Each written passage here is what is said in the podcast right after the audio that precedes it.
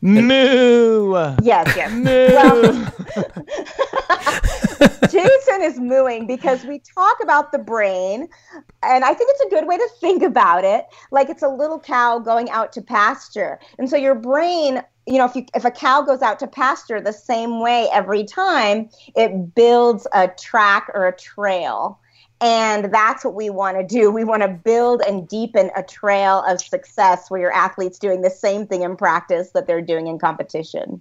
For over 50 years, Spieth America has been one of the most trusted gymnasium and sports equipment manufacturers in North America. Are you looking to surprise your little future world or Olympic champion this Christmas? Is her favorite color purple by chance? Well, how about purchasing a training bar or balance beam from the Simone Biles home line for this holiday season? Go to spiethamerica.com and use R5 20 off at checkout. That's R5 20 OFF at checkout for 20% off your purchase. The 20% discount is good through January 1st. Spieth America is proud to be an official sponsor of the Region 5 Gymnastics Insider. Got dreams of competing in college gymnastics? Whether you're after a Division 1 scholarship or wanting to walk on to a college club team, Full Out Collegiate Recruiting is here to help.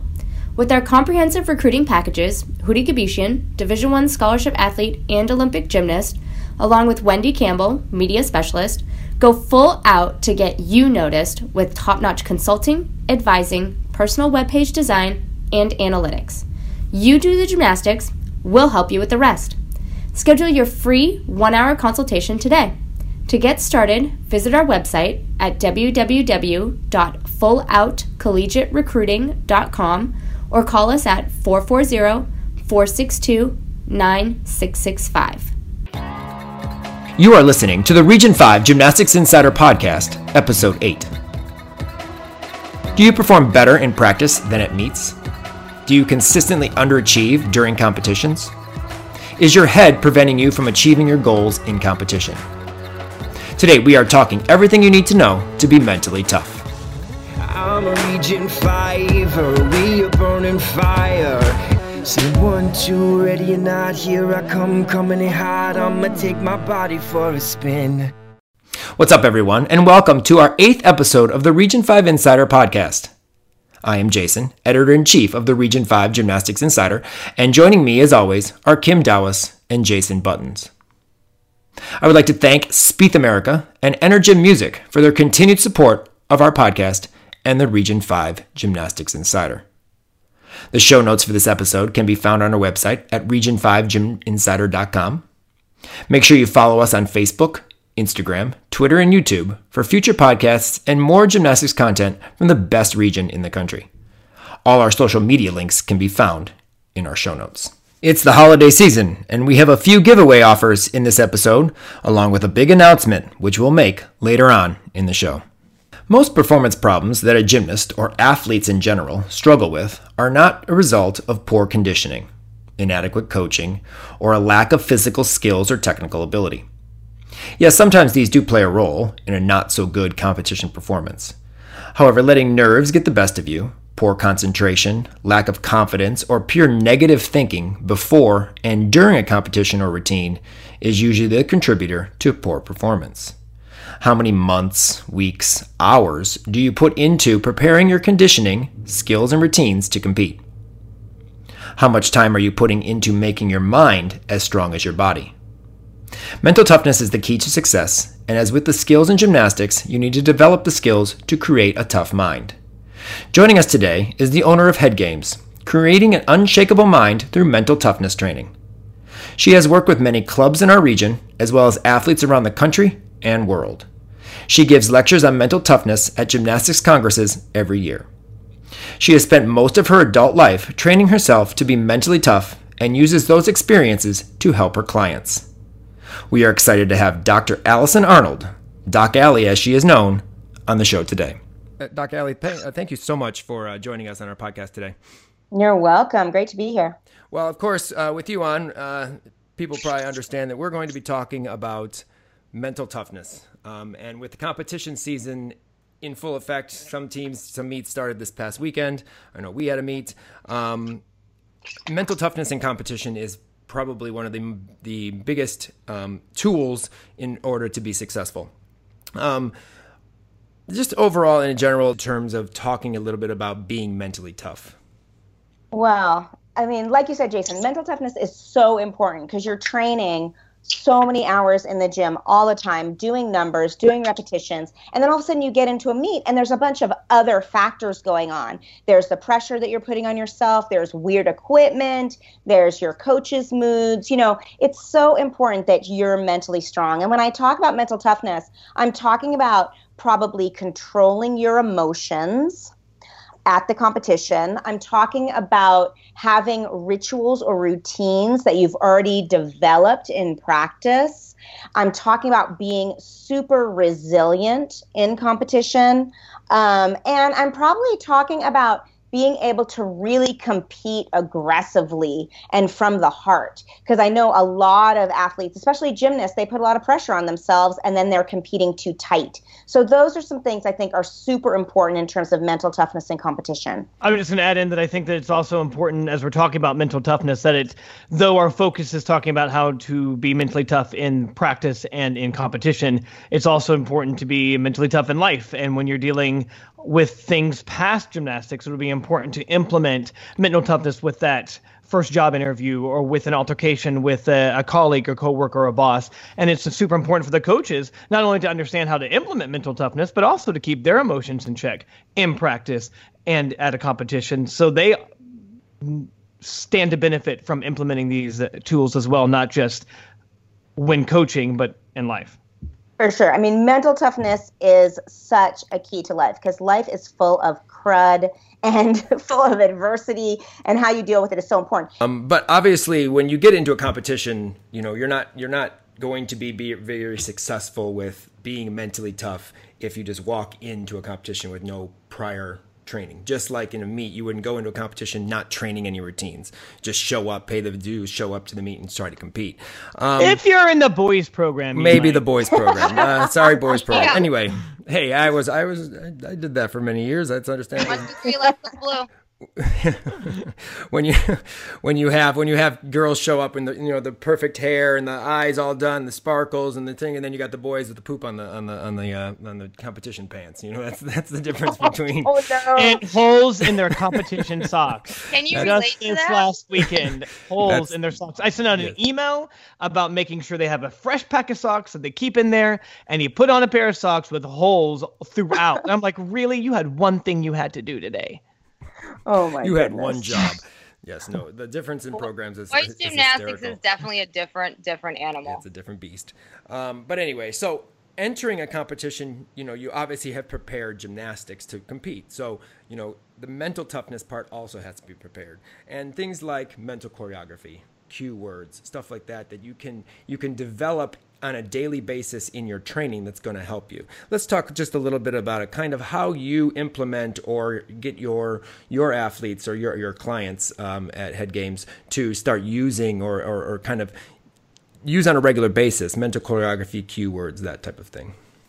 Well, um, yes, yes, yes. Everything you're saying is true. We, you have to train it in the gym, and I like to think of it about it like you're building a mental muscle. And what you are doing, not to get a little bit scientific on you or a little bit of biology, but really what it's all about is building a brain pathway that's called a neural pathway. And the more that you feed that pathway, the more your brain fires the same way. They say that synapses that fire together wire together. And so, what you want to do is create and really embed or deepen these pathways in practice. So you, when you get into competition, your brain fires the same way and is releasing the same chemicals. So sometimes I talk about my mental toughness training, whether it's someone who does my webcamp or someone I see privately, as brain building, brain conditioning. We're building these pathways in several different areas, which we'll talk about in a second, so that when you're in competition, it fires the proper way and you've really done the the conditioning work. So that's so important to say on the outset of all this that that's really what we're doing is building the brain pathways moo yes yes moo well, jason is mooing because we talk about the brain, and I think it's a good way to think about it. Like it's a little cow going out to pasture. And so your brain you know, if you if a cow goes out to pasture the same way every time, it builds a track or a trail. And that's what we want to do. We want to build and deepen a trail of success where your athletes doing the same thing in practice that they're doing in competition. That's actually an interesting way, obviously, to think about it. Um, in terms of practice and getting used to getting uh, you know getting experience or getting good at using it because i know that you can say you can talk yourself through but who knows what the heck someone's up there on the beam saying to themselves or what they yeah. do um, yeah. you know type of things that you like you know that you kind of gear towards. And i know you you you you always say if it works don't change it don't fix it you know do what do what works for you. But how do you kind of get that that individual that may just not even understand or not even know um, maybe the coaches don't understand it either on kind of what would be good to use well, the first thing that I like to implement with my athletes is something that we've talked about before, and it's called mental choreography or or keywords um, that an athlete says during routines and skills to keep the mind locked down and what we call tight. I talk about tight mind, and tight mind is when again the mind's focused, the mind's activated with where it needs to be. So if you think of the mind like a kind of like a little monkey and it's running all around getting into trouble, we want to keep that monkey mind busy so it's doing the same thing every time. Now, what I do every season, at least once a season, and I think coaches should do this too, is I have my athletes write out their routines and then they write their words going with um, those routines. And so they write out their words. And then I want them to practice those words every time they do a routine. Now, everyone does it their own way. Some people use mental choreography and they have a ton of word. It's like press, finish, look up, press, finish. You know, there's 20 million words. Other kids have very few words but still keep their mind anchored down. Some people count, some people sing. I just like them to do the same thing every time so that they really develop a strong, like, mental connection. And I really like kids to kind of put their coaches on their shoulder and kind of say what their coaches would say. Um, to them like if they were whispering in their ear, you know, during their routine. I think that's a great thing to do because when your mind is activated on a correction, your body tends to do that correction more. So that's the first thing that I would do. I would tend to get keywords and have your athletes start to learn keywords and say them during routines to give their mind something to do so it's not going like, "Oh my gosh, what if I fall or I fell on this last meet or, you know, into a bunch of kind of monkey mind chatter. So that's one of the first steps is really develop mental choreography keywords during routines.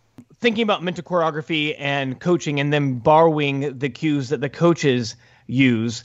I know when I'm coaching compulsory, especially, there are certain keywords that I'm walking along the routine with them that I'm emphasizing. I'm saying feet together on the jump full turn uh, for a level five routine. I'm, I'm saying straight right leg on the front handspring as they're doing their step out. So there's certain keywords at certain points that sometimes I say it and they're they're doing it right. But just well, out of habit, I'm saying that. And so, so I think an optional routine can just as easily have those same components of them trying to do what they need to be focused on when they're doing that skill or pass.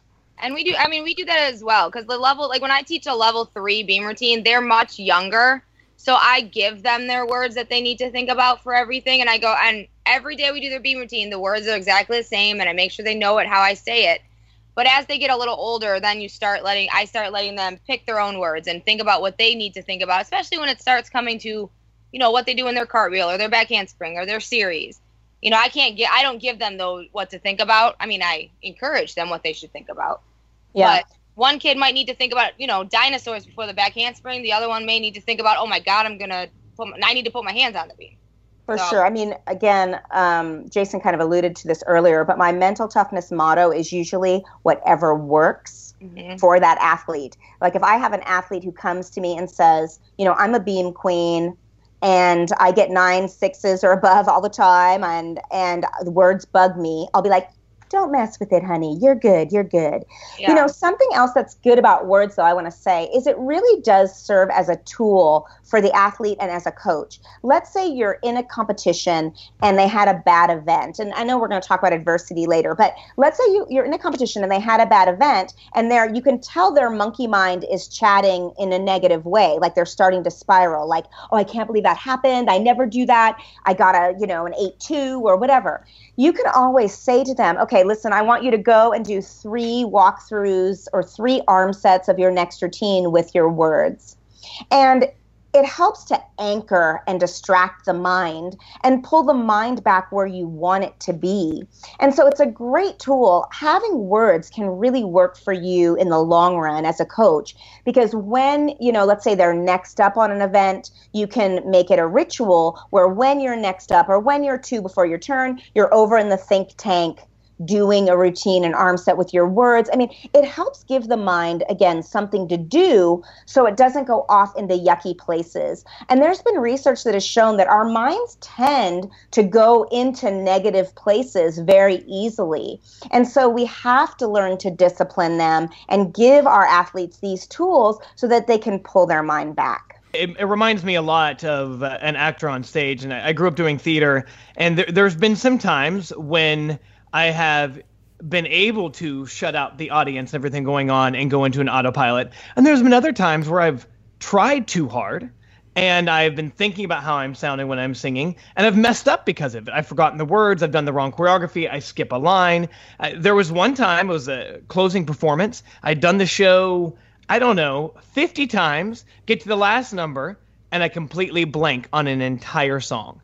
Now I acted my way out of it and tried to like I kept restarting the song with different intention to make it sound. But again, it was because I was not in the moment. I was not living, competing with my heart. I was trying to critique it and coach myself through it. And, that's an example of where you can allow your mind to get loose. And it was thinking about things I shouldn't have been. It should have been just, you know, do that autopilot that you need when you compete. And the same be true. Anyone trying extra hard to hit all your handstands or make sure you, you know you don't wobble on beam that cannot be what you're thinking about when you're out there competing. It has to be more a rhythmic kind of approach and not a self-critique. So even though they have critiquing words they're not really words that they're trying to all of a sudden they're going to pull back more on beam. Like no if that's how you're doing it in practice it's more to settle into a rhythm and a routine and not allow your mind to be over trying or under trying yeah, I mean, to say a couple more things about words. I mean, you I can't say enough about it. One thing that sometimes kids will say, "Oh, when I do words, I think too much." But the point of the words is to do what you said, Jason. We want to get those words automatic so that it actually gives the mind something to do and you're thinking much less. You're just in kind of an automatic pilot with your words. And so much of my work comes from like Eastern philosophy, like martial arts training. And I lived in a monastery in Nepal, and I lived in one in Thailand, and I studied with these guys in Peru. And that, that's another podcast about that stuff. But, you know, the word mantra, and I learned a lot about mantras when I was in Nepal it means it's a Sanskrit word that means protector of the mind. And that is really what we're doing with keywords or whatever the mind is doing during the routine is we're protecting the mind and keeping it locked down so we can develop some kind of consistency. Because when your mind is inconsistent your body's going to be inconsistent. inconsistent. Right right so that's one thing that I would implement right away with athletes, even with seasons starting. I would still really talk to them about so what what are your keywords during this routine? What are you thinking about during this routine? Flip fest. What, what? Hello, everybody. This is John. And this is John. And we're here at Flip Fest Summer Gymnastic Camp. It's a little cold. Yeah, it's December. There's a little ice on the lake. It's a little cold, but you know what that means, John? Summer is approaching. Oh, yeah. And we got a great summer plan. 11 weeks of camp. Amazing coaches, amazing special guests like like John McCready. Now, I guess no, I wouldn't. I don't think that's. No, we got way better yeah, than that. Wait, there's a lot better people than that. I, I, I wouldn't qualify. But we got some good special guests, some of the latest Olympians, some of the coolest coaches. So check us out, flipfest.com. Don't miss it, Flipfest. What, what? And FlipFest is a sponsor and a supporter of the Region 5 Insider, and they are actually offering something for us uh, for this uh, Christmas holiday. And uh, Jason, can you can just kind of give us a little into what FlipFest has given us and then how they can go about receiving it? So it's kind of a fun contest. It's all about full routines. And so this goes out to coaches, athletes, and their parents. Uh, basically, we're wanting to see full sets, full routines, um, and that will get you uh, a chance to be selected for a free week at FlipFest. So you'll need to use the hashtag FlipFest Full Sets, F L I P F E S T F U L L S E T S. So hashtag FlipFest Full Sets and tag Region 5 Insider and show us a routine. So maybe you're a parent and you want to show the level 2 routine. Maybe you're an athlete in level 10 and you just competed and you're really excited about a bar routine that you hit. Or maybe you're a coach and you're going to show how to do a compulsory routine from 1996. Any of those can work. Um, and then, of course, uh, whoever the winner is, if you're a parent and you're not going to be going to Flip Fest, you can transfer that to your child. Same if a coach were to win, um, the athlete, uh, you know, if you win it and you have a younger sister that wants to use it, that would be okay too. So, in any way, shape, or form, on Facebook, Instagram, YouTube, however you want to share it, upload the video, use the hashtag and tag us, and we'll be happy to to enjoy those routines and uh, select a winner. Um, the contest will end and the winner will be announced on December 21st, just prior to Christmas, so that um, that can be maybe possible uh, stocking stuffer, Christmas present, or what have you for for the winner. So, thanks again to FlipFest for one your support of the Region Five Insider, as well as offering the free week to our listeners. I think another thing we need to address, and uh, I know it's easy to talk a little bit about mental choreography when it comes to balance beam because the flow of balance beam is a lot slower than, let's say, uneven bars. Uneven bars is, has a last, uh, you know, very fast pace. You know, there are things that you can you can say. Um, you can say breathe at certain points. You can say lockout handstand. Um, you know, I had a few different things that I would do on high bar. I I I couldn't say words per se because it moved too fast to me. So I counted. Um, I would do one, two, three when pirouetting. You know, Stalder full pirouette to eagle grip for those of you know gymnasts know eagle grip. Anyway, um, I would count one, two, three, so I would be on the rhythm, as Jason actually said, the rhythm of the routine, um, because it's obviously harder to say, you know, push out roll turn by the time you get to your thing you're already done with the skill and you're already on your next skill. So like one two three um, i know that uh, some people laugh at me but I, in my dismount i had a rhythm of let's go blue. It's one two three but i would say let's go blue. Let's go blue? You couldn't just like just go to stick. tell yourself to stick? No i that's how Press. i made myself. I knew exactly how long it took me one two three to do my uh, half and half out and stick. Um, and so I would say, let's go blue. When blue is boom, you know, stuck. Now, granted, did I stick 100% of the time? No, but for the most well, part, yes. Um, maybe maybe I practiced it. I practiced it, but let's go red. From, from your let's standpoint, I mean, what's working? Said, let's what's go working? green. No, no, no, no, not not happening. Um, anyway, uh, so yeah, so I used that particular thing for my dismount, but I would count on my routine. Like different areas, I would count one, two, three, just so I would stay in thing. What are, what are kind of examples that you may use or you help for gymnasts, especially with uneven bars, how the fast pace of the of the of the event works? Well, again, if we're talking about girls' gymnastics, is that what we're talking about mo- mainly? Oh, yeah, mainly, but yeah, it can apply to men. You know, again, to clarify, we don't really care about the Right. boys. Yeah. No. and I work with a ton of boys. Boy, they need to anchor their minds for sure. But back to girls' events. Um, I think beam and bars are the easiest ones to do some kind of MC or mental choreography. You know, first of all, bars is so rhythmic, and you really want to keep your words rhythmic and match the natural rhythm of the routine. And that's on all four events. Mostly words are going to be one word at a time. And I think coaches should really also narrow, narrow down their corrections for one word at a, t- at a time. Let's say you say, like, you need to lean over the bar. And so you might say, so next turn, I want you to think lean, or next turn, I want you to think point, or next turn, I want you to think one, two.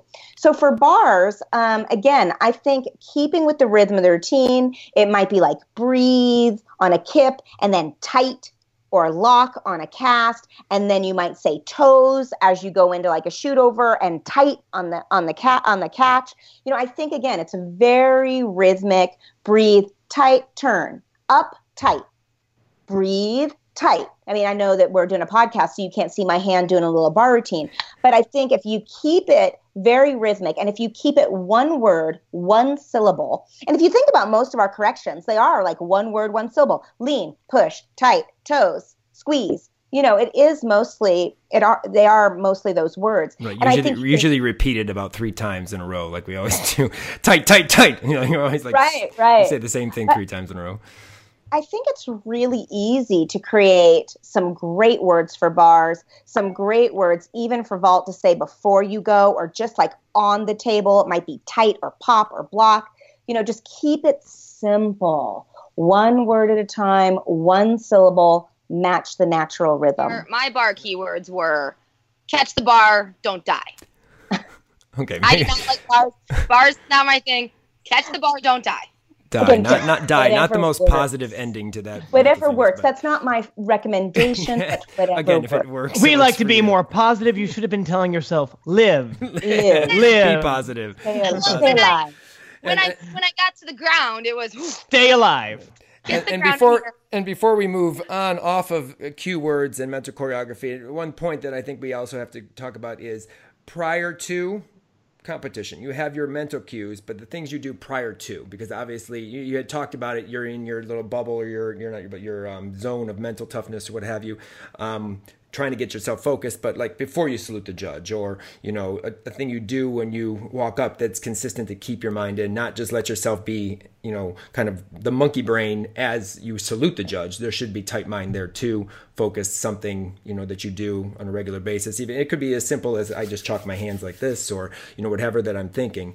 But uh, i'm sure that's what you you also talk about you know pre um, competition type or pre-event type mental focus as well Yes. Well, I, know, I definitely talk about what you referred to a second ago, which is called your competition bubble.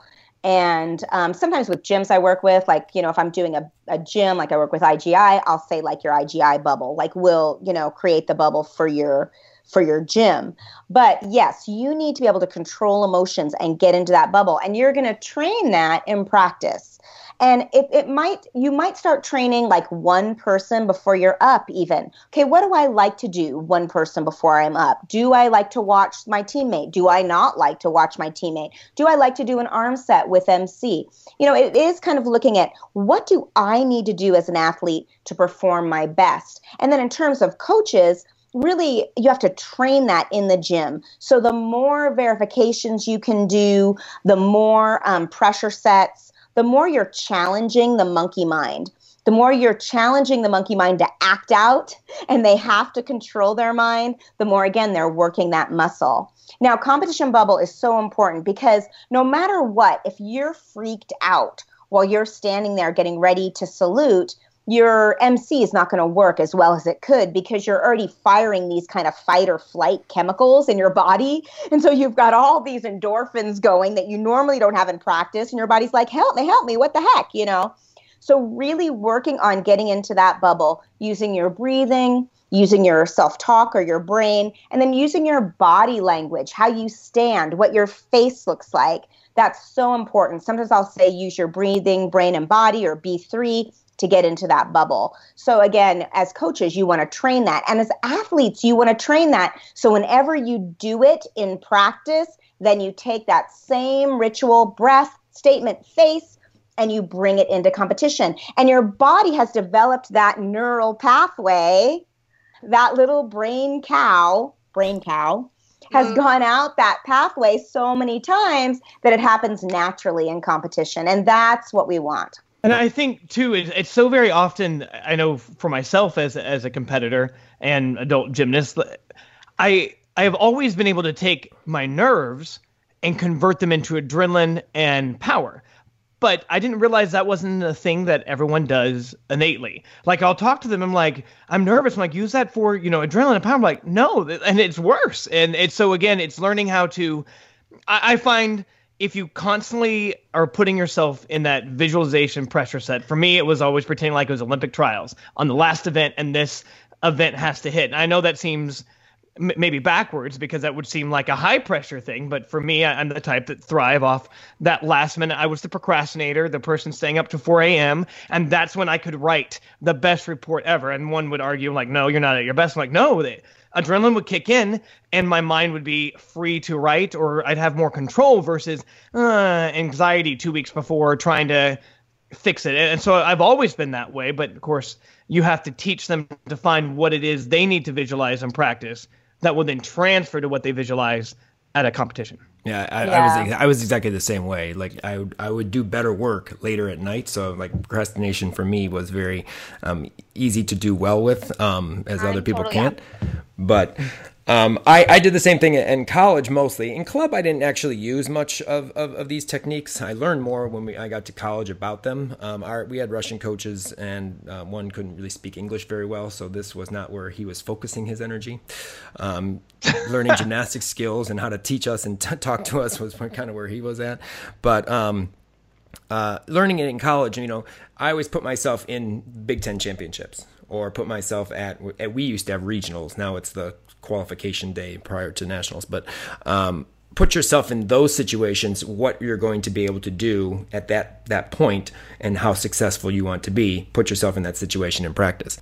Well, just to say a couple more things about that, I think it's so important to do that as an athlete that you pretend that it's a meet at least once a practice. Like, I'm not saying, I think it's great if you can do that every routine, but to really stand there and give yourself a full 10 seconds. I know 10 seconds doesn't sound like a lot of time, but it is.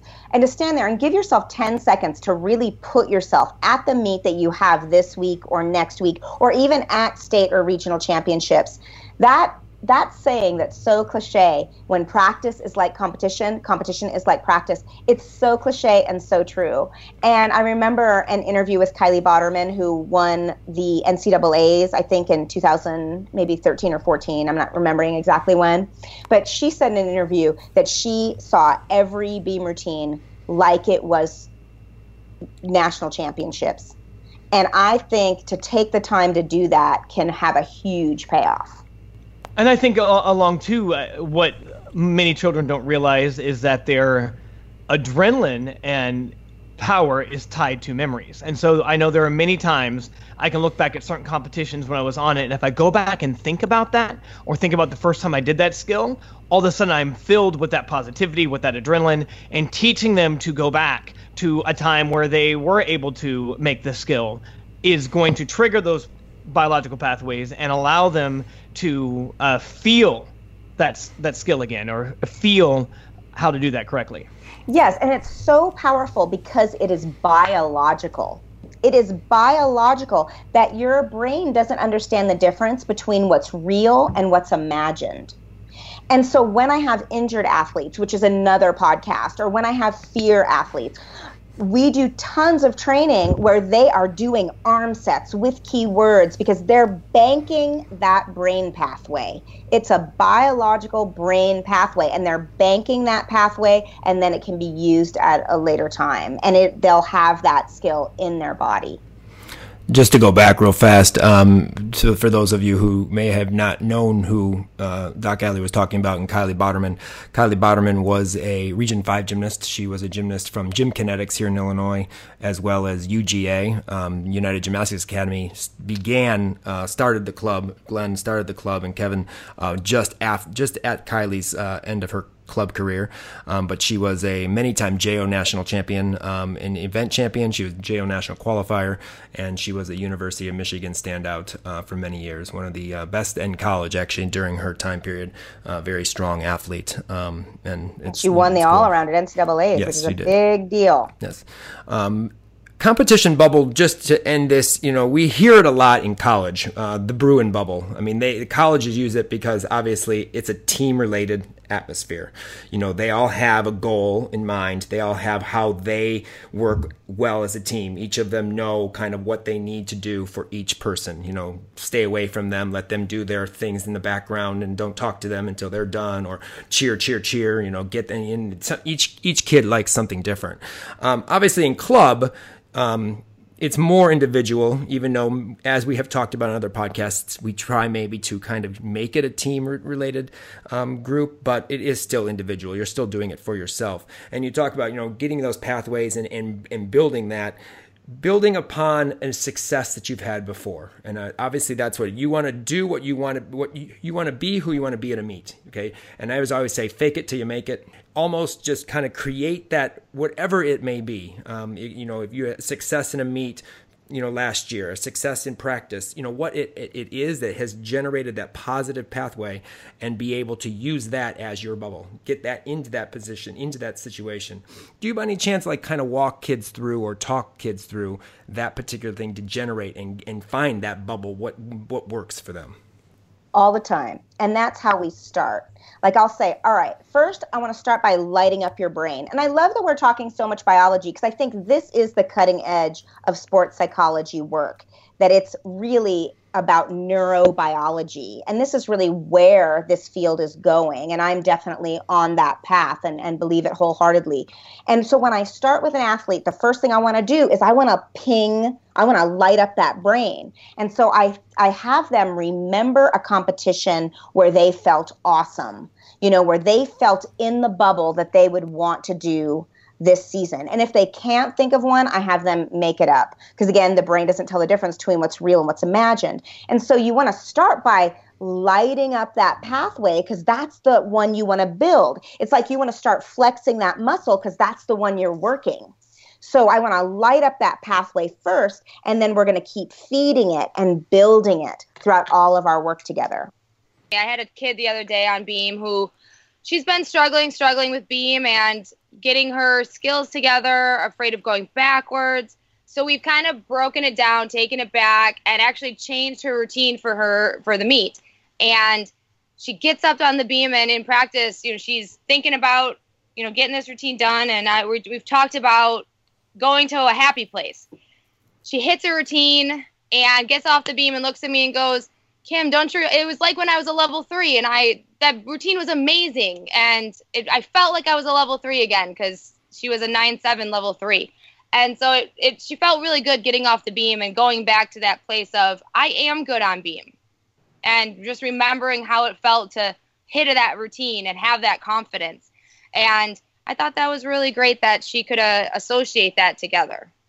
Yeah, and her brain was able to kind of flop back into that old pathway. And that's what it's so much about. It's about, like, especially with a fear kid, is the brain firing the pathway you don't want it to fire? And are you reinforcing that pathway? Are you helping the brain go into the old pathway of success or a new pathway of success, even if you have to back down repetitions or numbers? Yeah, and, you know, she went into the meet last weekend really confident and got fifth on beam. So, it definitely it, it helped it, and i was really proud of her that's awesome energy music is floor music that rocks this is our 15th season did you know all our music is legal and licensed that means we don't cut music we create music at energy music we are dedicated to great customer service and creating floor music that rocks. Thanks for 15 great years. Go to energymmusic.com. Energym Music is floor music that rocks.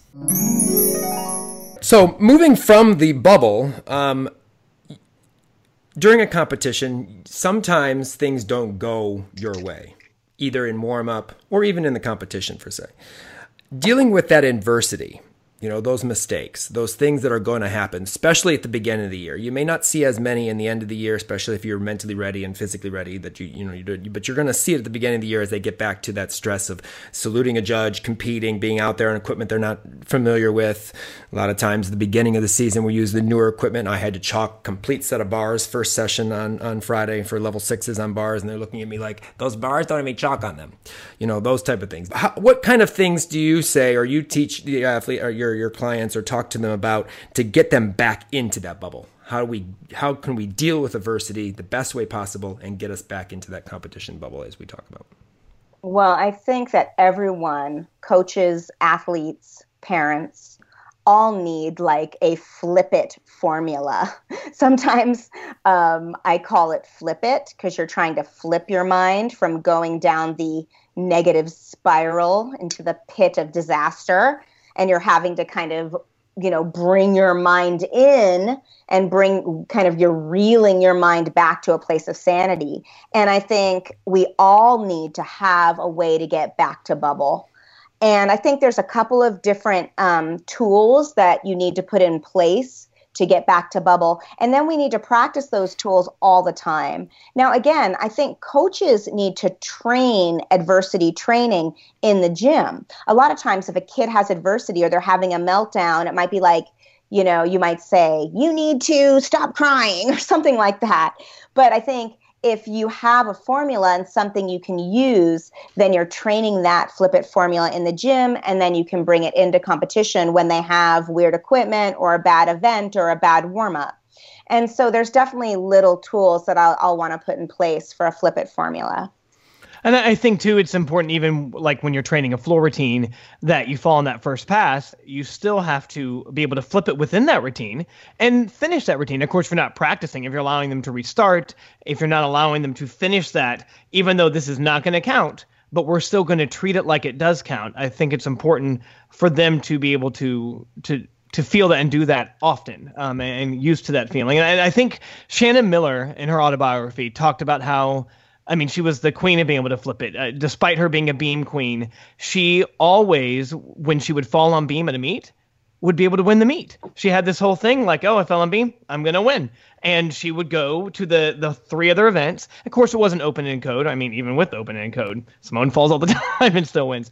But uh, that ability to truly put it behind you and keep your mind tight and realize one does not have anything to do with the other. And that's the nice thing about a sport like gymnastics. It literally none of them are related. There's four completely different events, or six for men, and it, just because you're off on beam has no bearing on whether you're going to be off on the other three. And it, it's important to kind of flip back to uh, what you're capable of.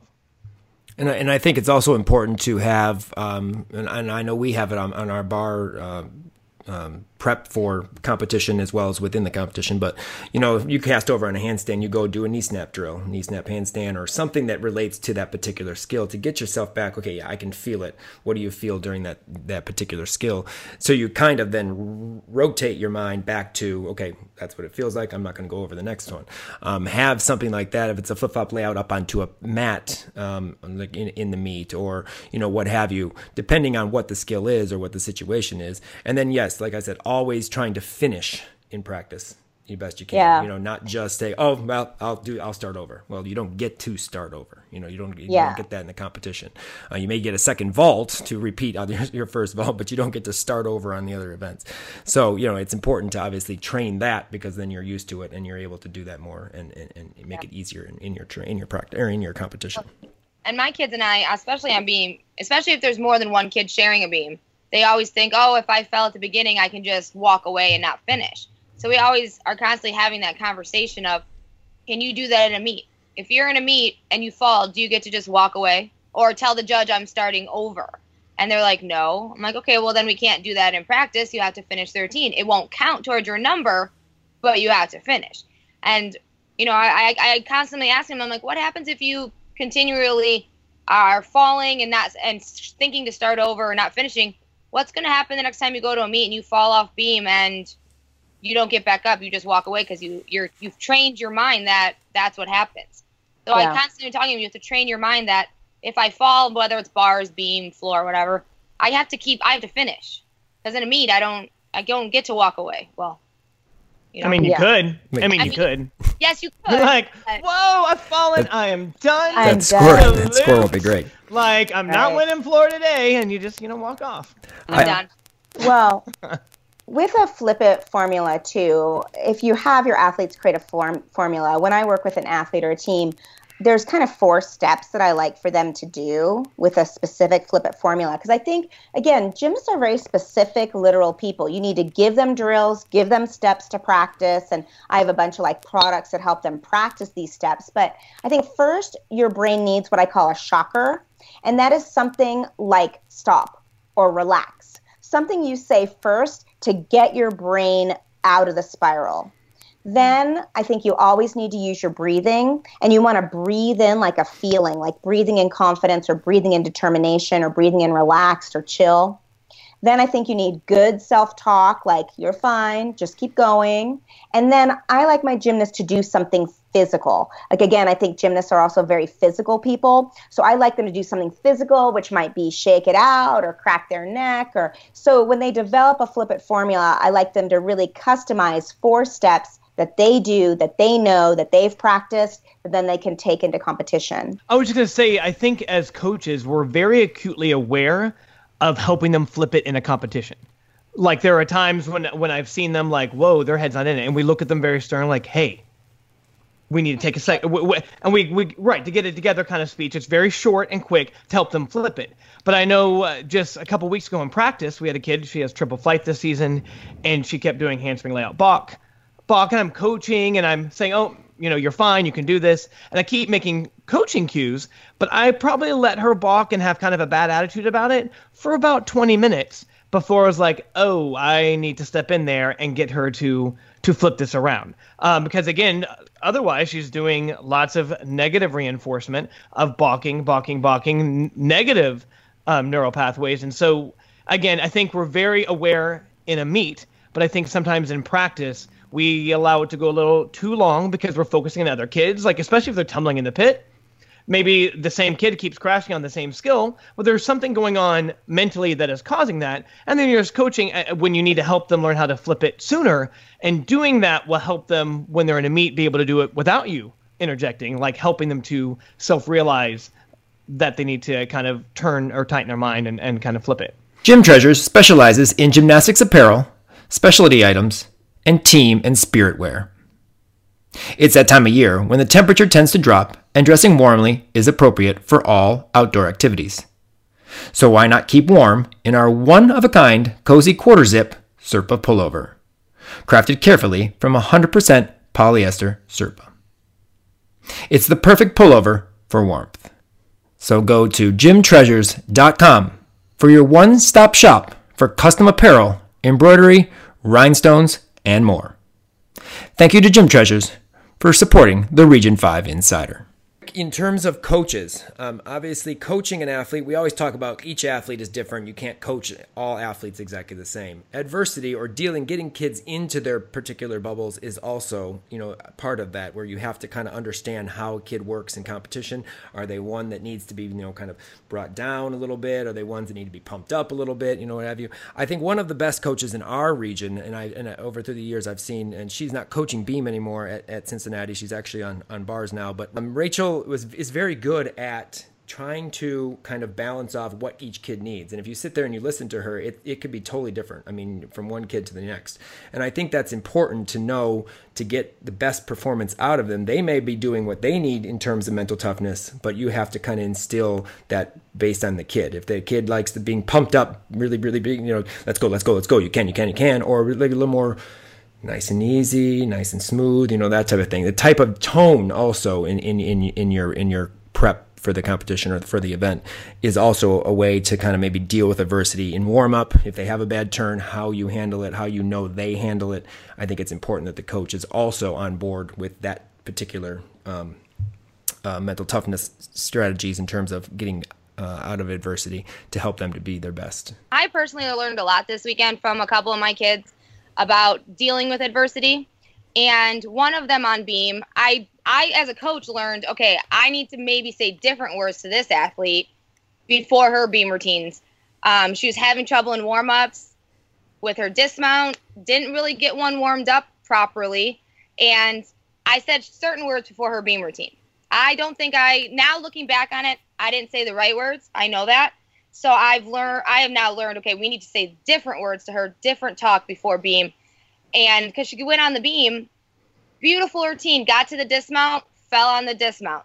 As she gets off the beam, she comes to me and says, I knew I was going to fall. I said, absolutely. You know, if you go, we went into our routine, you went into your routine thinking, I'm going to fall, you are going to fall.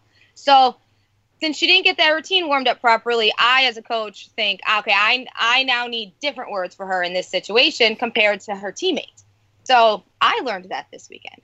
Um, it's funny. This past weekend, I was with boys. I don't normally uh, work with the boys. We have a new uh, boys coach and kind of helping out. And we had this kid who was competing in a session by himself. Uh, his teammate wasn't able to be there, and he's only competing some of the events because he's coming back from a knee injury. And the whole meet, he kept talking about how excited he was to do pommel horse, or in this case, it's mushroom because it's level five. Mm. And he's repeating that level, and it was his best event the previous season. And even better now, he can do the upper level, uh, level six and level seven mushroom routine. So, like, this is like nothing for him. So we go in through the meet, and he keeps talking about how he's excited. And then as we get closer to mushroom, he's like, well, what if I fall off? What mm. if I mess up? And I'm like, oh no. Like and he he'd had such a great meet up to that point for just like you know did his flyaway for the first time in three months. I didn't know that but he like lands it and warm up like yeah i haven't done that in three months. Oh well maybe we should have done this before this meet but whatever boys meets.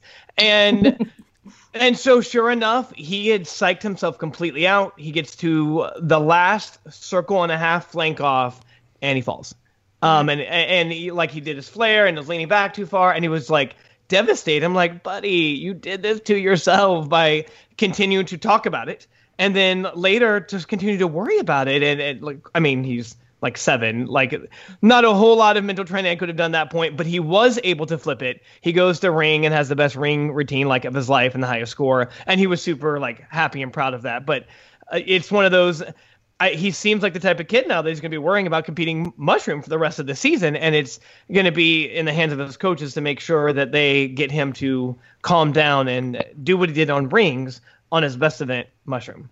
Yeah, well, I think uh, a couple things for coaches to think about in terms of mental states and emotional states at competition is usually your athletes have a tendency to match your emotional state. So if you're really hyped up, your athletes are going to feel hyped up. And if you're really chill and confident, your athletes are going to feel really chill and confident. So I always tell um, coaches, and I tell parents this too, that you don't want to match always the emotional state of your athlete. You want to lead them to the emotional state you want them to have. So if you feel like your athlete needs more of a calm confidence, then you want to be calm confidence. If you think your athlete is more of what I call a fire athlete and they need more fire, like you got this, win one for the Gipper, that kind of thing, then you're going to want to be that. So I have this assessment that I used to do a ton. It's called the spectrum. And in this assessment, athletes identify their competition style, whether they're a fire or whether they're a water. And I think that was really good to give to all my athletes and to have them discuss it with their coach. Like, what do you need before competition? Do you need more water language? And they might need different things on different events. Like, do you need more Hakuna Matata, you're fine, no big deal, trust your training? Or do you need more fire? Like, you got this, you are a beam queen, rock this floor routine. Like, what do they need? And I think that's a great conversation to have with your athletes. What do you want from me as a coach at competition? One more thing with adversity, too, that I wanted to talk to coaches about is you want to train. There's been a lot of research lately about fixed mindset versus growth mindset. It's very uh, popular right now. And I think two things to keep in mind as a coach in terms of training adversity are two important statements to teach your athletes. Number one, use everything as fuel.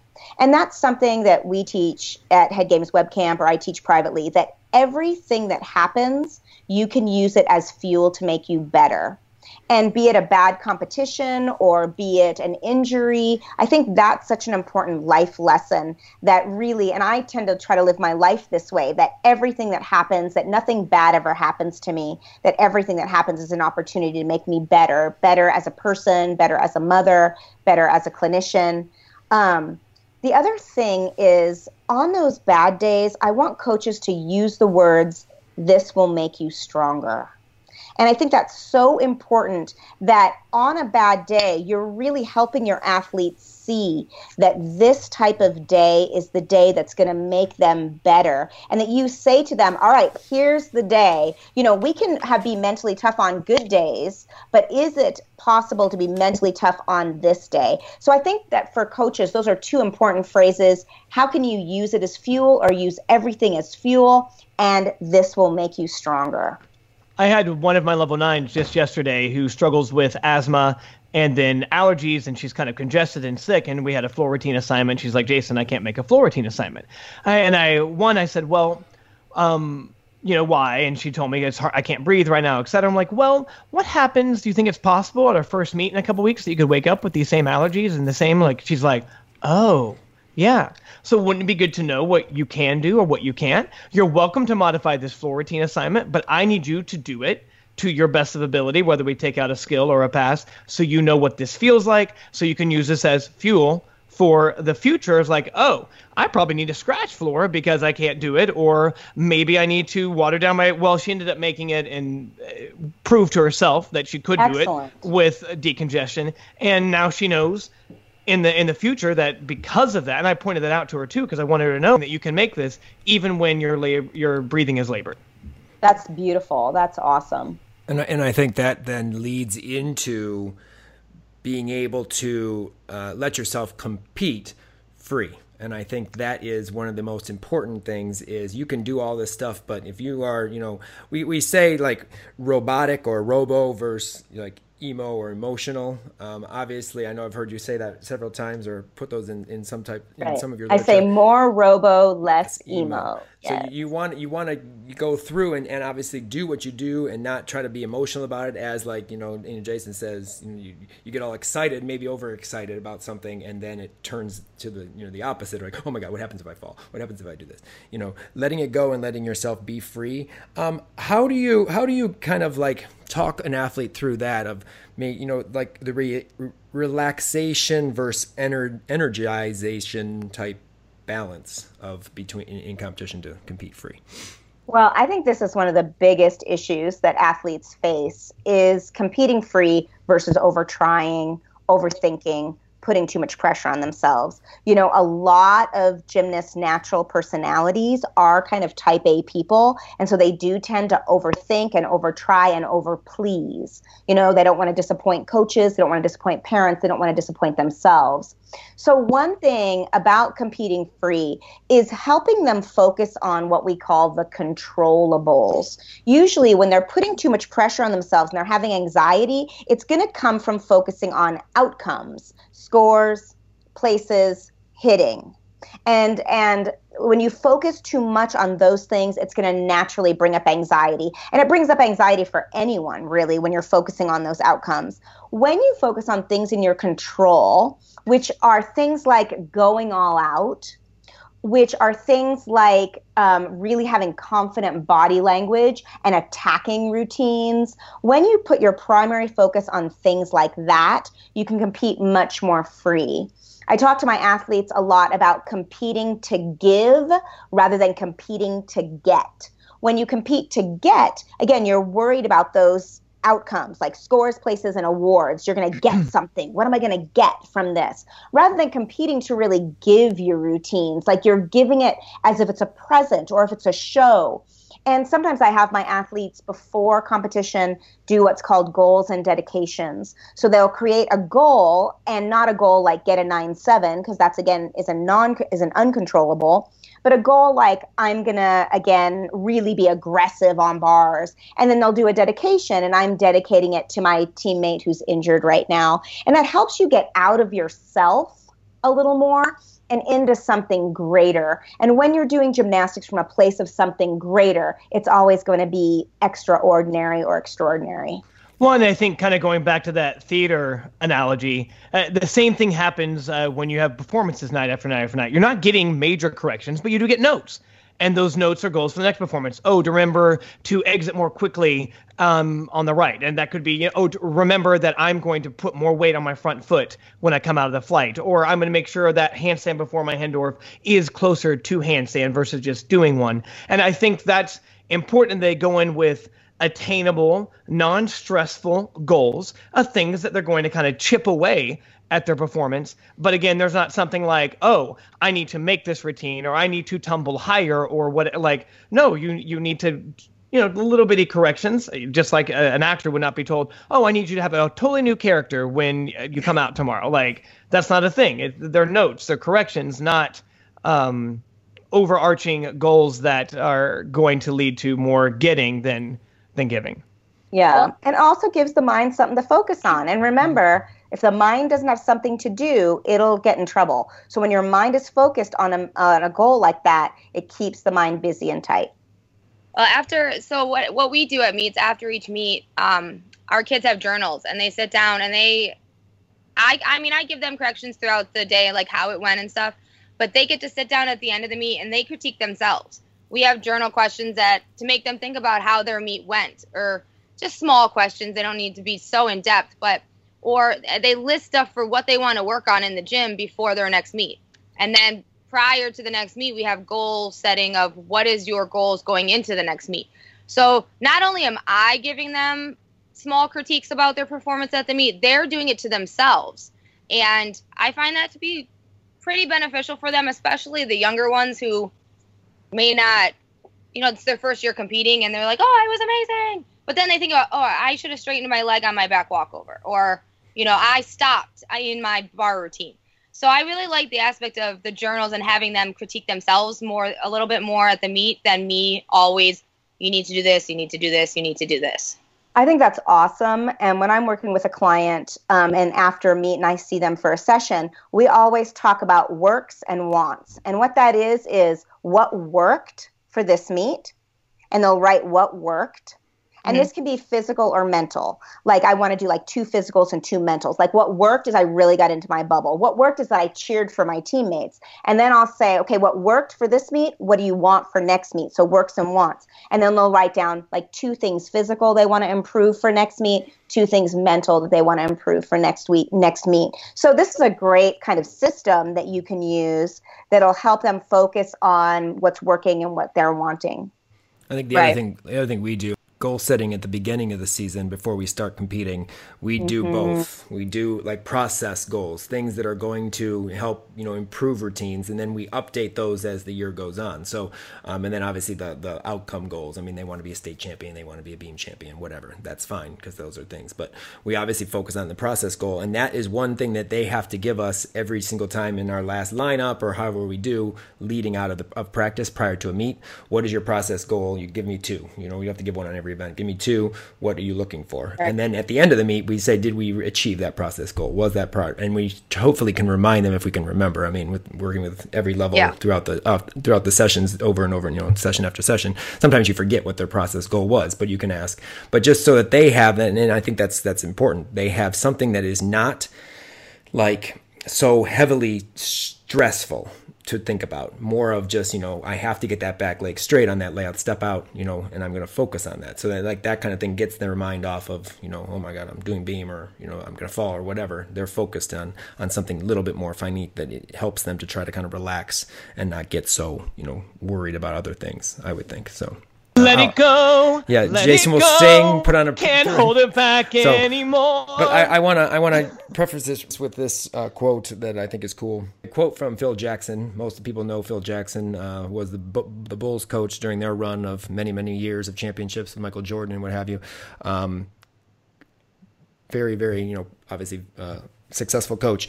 Uh, he said that the trick is to experience each moment with a clear mind and an open heart. When you do that, the game and life will take care of itself. And I think that that is something that you know re- like just resonates with the fact of just having yourself just be free and letting yourself do what you are capable of doing, what you train, exactly how you train it. If you train it consistent, gymnastics is the same, regardless of what situation you go into. Bars, beam, floor, it doesn't matter. The routine is the same. You have to basically train your mind and, and, and get yourself to realize, hey, it's the same gymnastics. It doesn't matter. I definitely agree with that quote. And even though we've talked about a lot of specific tools today, the goal is to work these tools and make it part of your, if you're a coach, make it part of your gym culture And if you're an athlete, it becomes part of the fabric of who you are as an athlete. And when you have that strong fabric,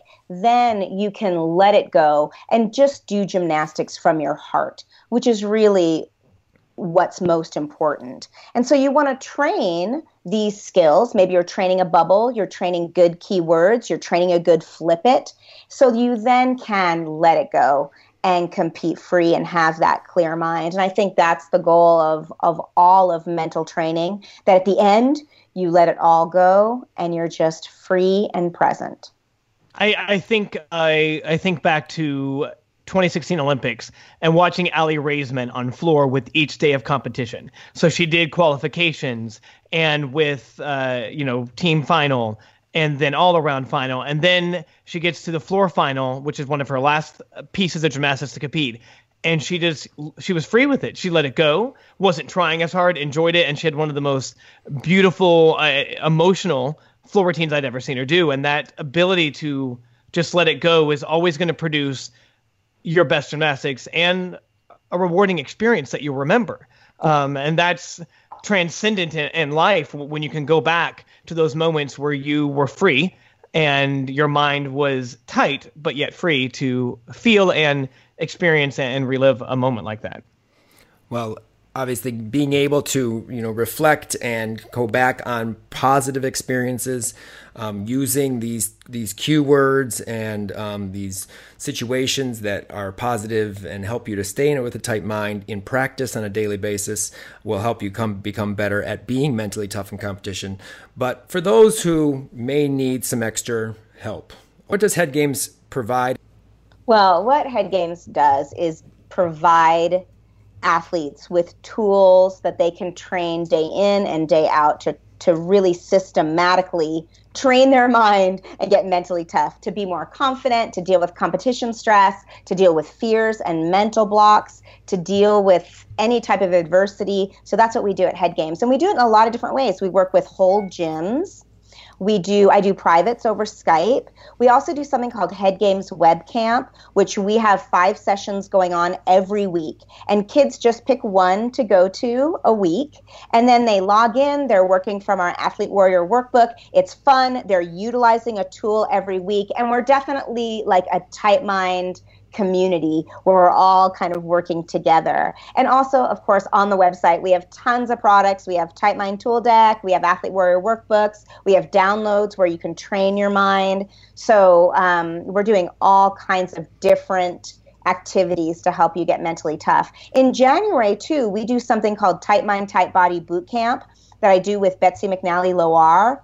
And that's a six week program where I do half an hour of the mental and she does half an hour of the nutritional which is so important because we're really seeing how those interact. Like if you're not eating properly, then it's hard to control your emotions. So we work a ton for those six weeks. And again, that starts in January on how to eat in ways where you can really fuel your body, not only to be stronger physically, but really use the mental tools too. So Tight Mind, Tight Body Boot Camp is coming up as well.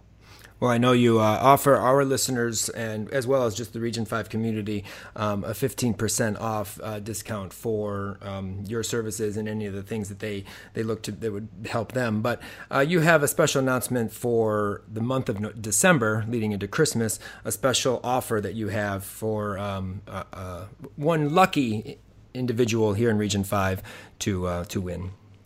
Yes. If a Region 5 listener feels like, you know what, I really need to train my mind for this season, we're going to offer a free one month of our Head Games webcamp to really put your mind in a good place as you go into the rest of the season. So I'm really excited about that.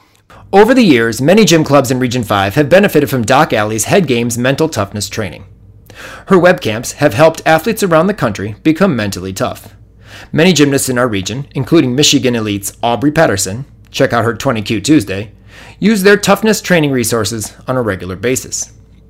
The Region 5 Insider and Head Games have partnered together and are offering one free month of Head Games Webcamp to one of our Region 5 listeners. How do you win this free month? Well, email us at region5insider at gmail.com and tell us why you feel you would benefit the most from this free month. Are you struggling with a skill or confidence in competition? Do you have a daughter, friend, or athlete who really could use Doc Ali's help. Email us with your story and put in Region 5 Tight Mind into the subject line for your chance to win a free month at Head Games. The contest will run until the end of the year, and there will be notified by email on January 1st. Um, and Ali, thank you so much for joining us on our podcast. Um, I know this is very, very important um, and uh, practical uh, tools that we, we need to have. We all need to be mentally tough. It's hard to compete um, mentally loose. And we're glad that you were able to come on and uh, help us out with that and give us some tools. And uh, we appreciate your support of the Region 5 Insider as well.